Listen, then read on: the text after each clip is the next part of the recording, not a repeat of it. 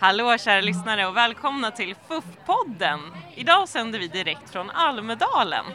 Och vi som kommer att prata till er idag heter Karin Klerby, Lovisa Novak och Carl Folin. I dagens avsnitt så kommer vi prata lite om hur unga påverkas av extremism. Vi kommer prata om partiernas syn på FN-arbetet och eh, lite om hur det är att vara i Almedalen rent generellt. Så, eh, Louisa och Karl, ni är här för första gången. Hur känns det? Det är jättespännande ändå. Det är kul, det känns som att få vara med och leka med de stora barnen. Lite så känner jag mig, som att jag står, står och hoppar i lekplatsen och äntligen får vara med. Jag tycker det känns lite som en festival typ, fast utan musik, utan mer politiska partier, jättemånga andra roliga organisationer. Man kan gå runt och mingla, ta en kopp kaffe och lyssna på supermånga seminarier och det tycker jag är jättekul.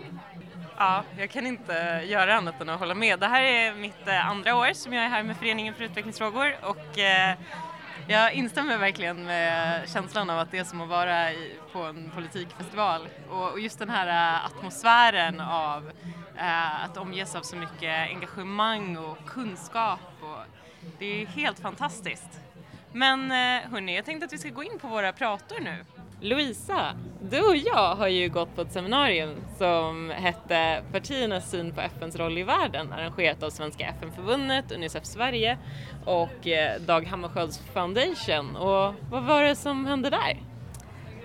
De hade samlat eh, representanter från eh, Socialdemokraterna, Moderaterna, Centerpartiet och Miljöpartiet som Ja, det var väl tänkt att vara en liten en debatt om eh, de respektive partiernas syn på världen, eller på FNs roll i världen, men de visade sig, tyckte jag, ha ganska relativt likartad syn på själva FN-systemet i alla fall.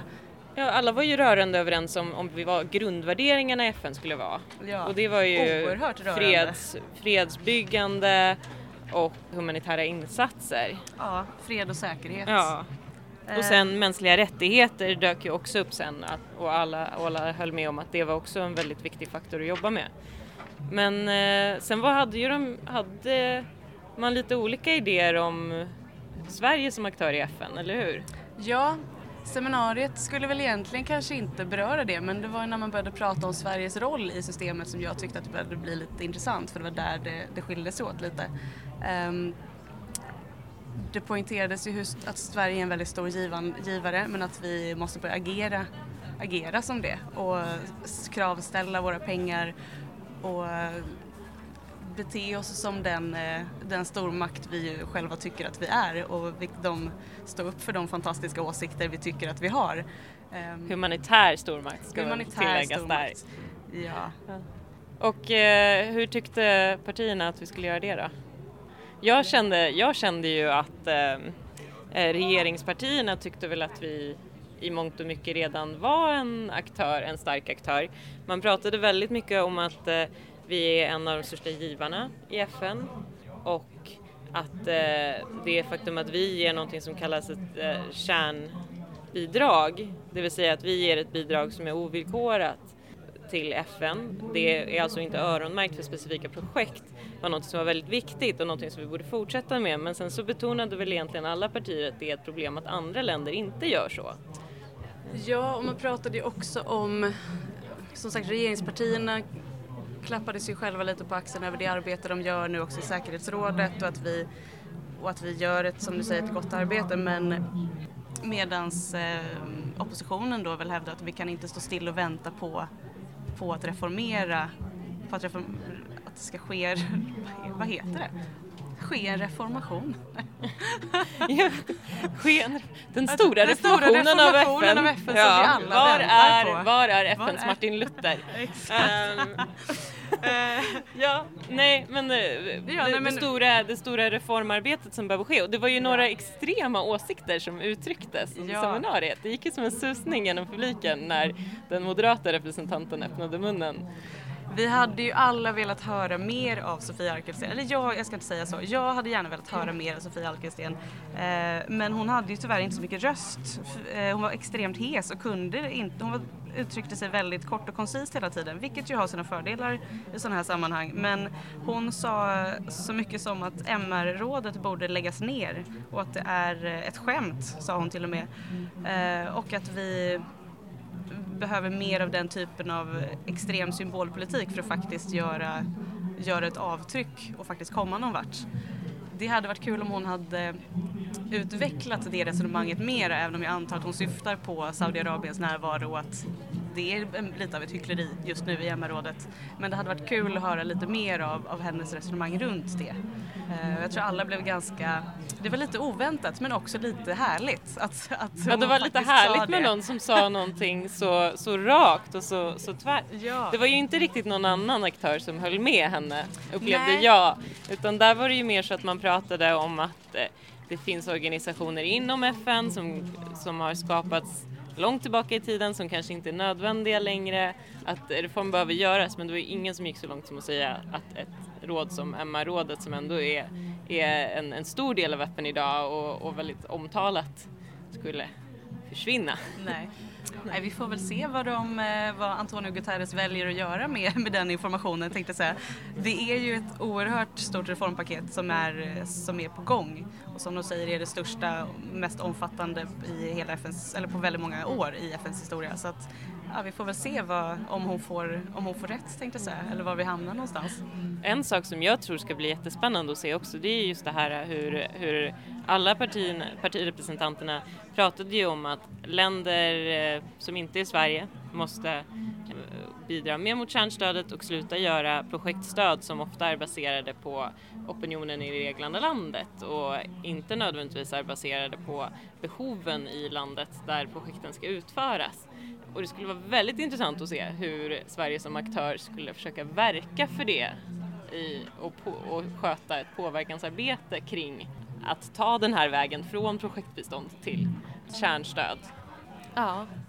Men Ja, vi får vänta och se. Ja. Vi, vi, får återkomma, kanske inte i nästa Almedalen, men Almedalen om eh, tio år kanske. Vi har ja. någonting att komma med i vetofrågan och MR-frågan, vem vet? Ja, jag vet inte hur eh, glada allianspartierna blir över det. Det var ju flera som tyckte att reformen måste ske nu. Nu! Ja.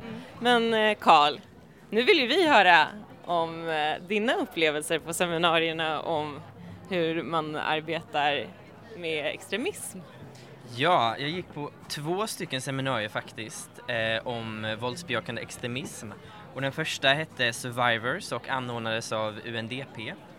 Eh, och de hade en utställning här på Sverige Värdentorget med lite olika berättelser från några afrikanska länder där det var anhöriga som hade överlevt den här typen av våldsbejakande extremism. Um, och sen hade de eh, ett väldigt intressant seminarium inne i tältet. Och sen det andra seminariet jag var på heter Youth, the Untapped Resource in Somalias Peace Process och anordnades av Folke Bernadotte-akademin. Och det handlade specifikt om ungdomar i Somalia, hur man kan, som de sa, replace weapons with a pen, eh, vilket betyder att man ska hjälpa ungdomar att gå från våldsbejakande extremism till utbildning, till till arbete eller andra aktiviteter som, eh, som kommer liksom eh, vara med och bygga upp en ny slags ja, fredsprocess i Somalia mer eller mindre. Eh, och det jag tyckte var väldigt intressant med de här båda seminarierna som behandlade samma tema, det var att de förklarade väldigt noggrant vad många av de här människorna eh, själva ansåg sig vara svikna av exempelvis staten, eh, och det var det som var anledningen till att de kanske gick med i vissa typer av eh, så kallade extrema grupper.